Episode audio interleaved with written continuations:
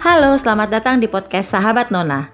Tempat curhat berbagai hal seputar kesehatan remaja perempuan.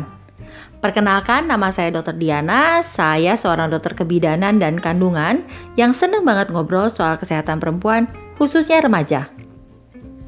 Episode kedua ini saya beri judul Pubertas, aku kok beda? Ini adalah pertanyaan yang sering saya dengar dari pasien remaja karena merasa tubuhnya beda dibandingkan dengan dirinya waktu masih anak-anak. Ada juga yang bertanya demikian karena merasa beda waktu bandingin sama teman-temannya. Pubertas memang menandai khasnya masa remaja. Semua orang mengalami pubertas, namun dengan pengalaman yang berbeda-beda. Jadi, sebetulnya apa saja ya yang seharusnya dialami Nona selama masa pubertas? Kenapa sih kita harus membahas mengenai pubertas? Pada masa pubertas terjadi perubahan fisik, psikologis, dan sosial. Namun pada episode kali ini saya akan fokus membahas mengenai perubahan fisik aja. Pubertas bukan sekedar, oh payudara tumbuh nih, atau sekedar, eh menstruasi. Tetapi pubertas sebetulnya adalah sebuah proses transisi yang bisa terjadi selama 5 sampai 7 tahun. Perubahan fisik di masa pubertas ini akan berlangsung dalam urutan yang teratur dan berkelanjutan. Jadi urutannya bakalan sama. Tapi waktunya yang beda antara satu orang dengan orang lainnya.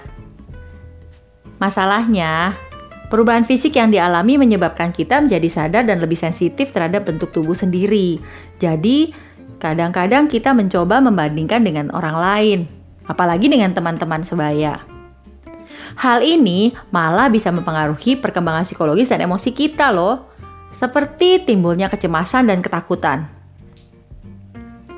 Sebuah perubahan memang menakutkan sih, apalagi kalau tidak dipersiapkan untuk menghadapinya. Oleh karena itu, pubertas harus dibahas. Jadi, supaya lebih percaya diri dalam menghadapi pubertas, penting sekali untuk Nona benar-benar tahu apa aja sih perubahan fisik yang akan terjadi. Perubahan fisik sebenarnya diawali dengan membesarnya tangan dan kaki, tapi seringnya kita nggak sadar. Mungkin baru sadar ketika ada yang kelihatan berubah, yaitu adanya tunas payudara atau breast budding. Pertumbuhan payudara normalnya dapat dimulai sejak usia 8 tahun dan bisa ditunggu sampai 14 tahun. Dan di saat yang bersamaan juga mulai ada cairan bening yang keluar dari vagina atau yang disebut keputihan. Gak usah takut, itu normal. Nah di tahap selanjutnya adalah tumbuhnya rambut pubis. Di saat itu juga Nona biasanya mulai mengalami bau badan kadang disertai jerawat dan komedo. Berikutnya, Nona akan mengalami pacu tumbuh, di mana tinggi badan akan bertambah sekitar 9 cm per tahun, hingga mencapai pertambahan tinggi yang maksimal sekitar 25 cm. Kalau Nona lihat dan sadari, pertambahan tinggi badan anak perempuan itu lebih cepat daripada anak laki-laki.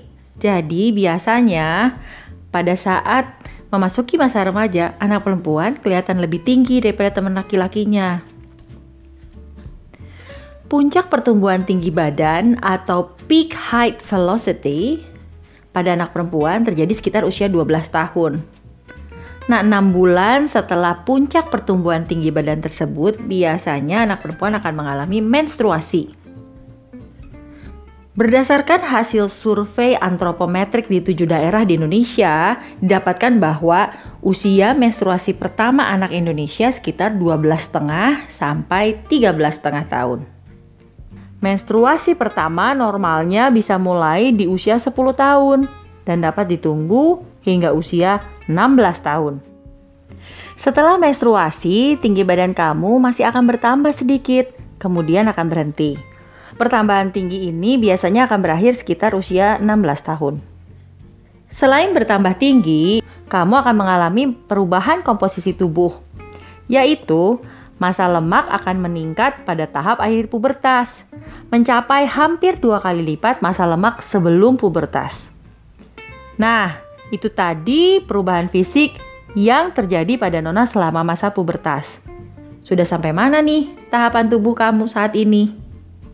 Ingat ya, beda sama teman-teman, gak apa-apa. Yang penting masih masuk range yang normal. Tuhan memang ciptain manusia beda-beda kok. Tapi kalau kamu khawatir atau merasa ada yang gak beres atau gak sesuai dengan yang saya sebutkan tadi, boleh banget untuk konsultasi ke dokter. Kamu bisa bertanya ke dokter umum, dokter anak, atau dokter kandungan untuk membahas masalah kamu.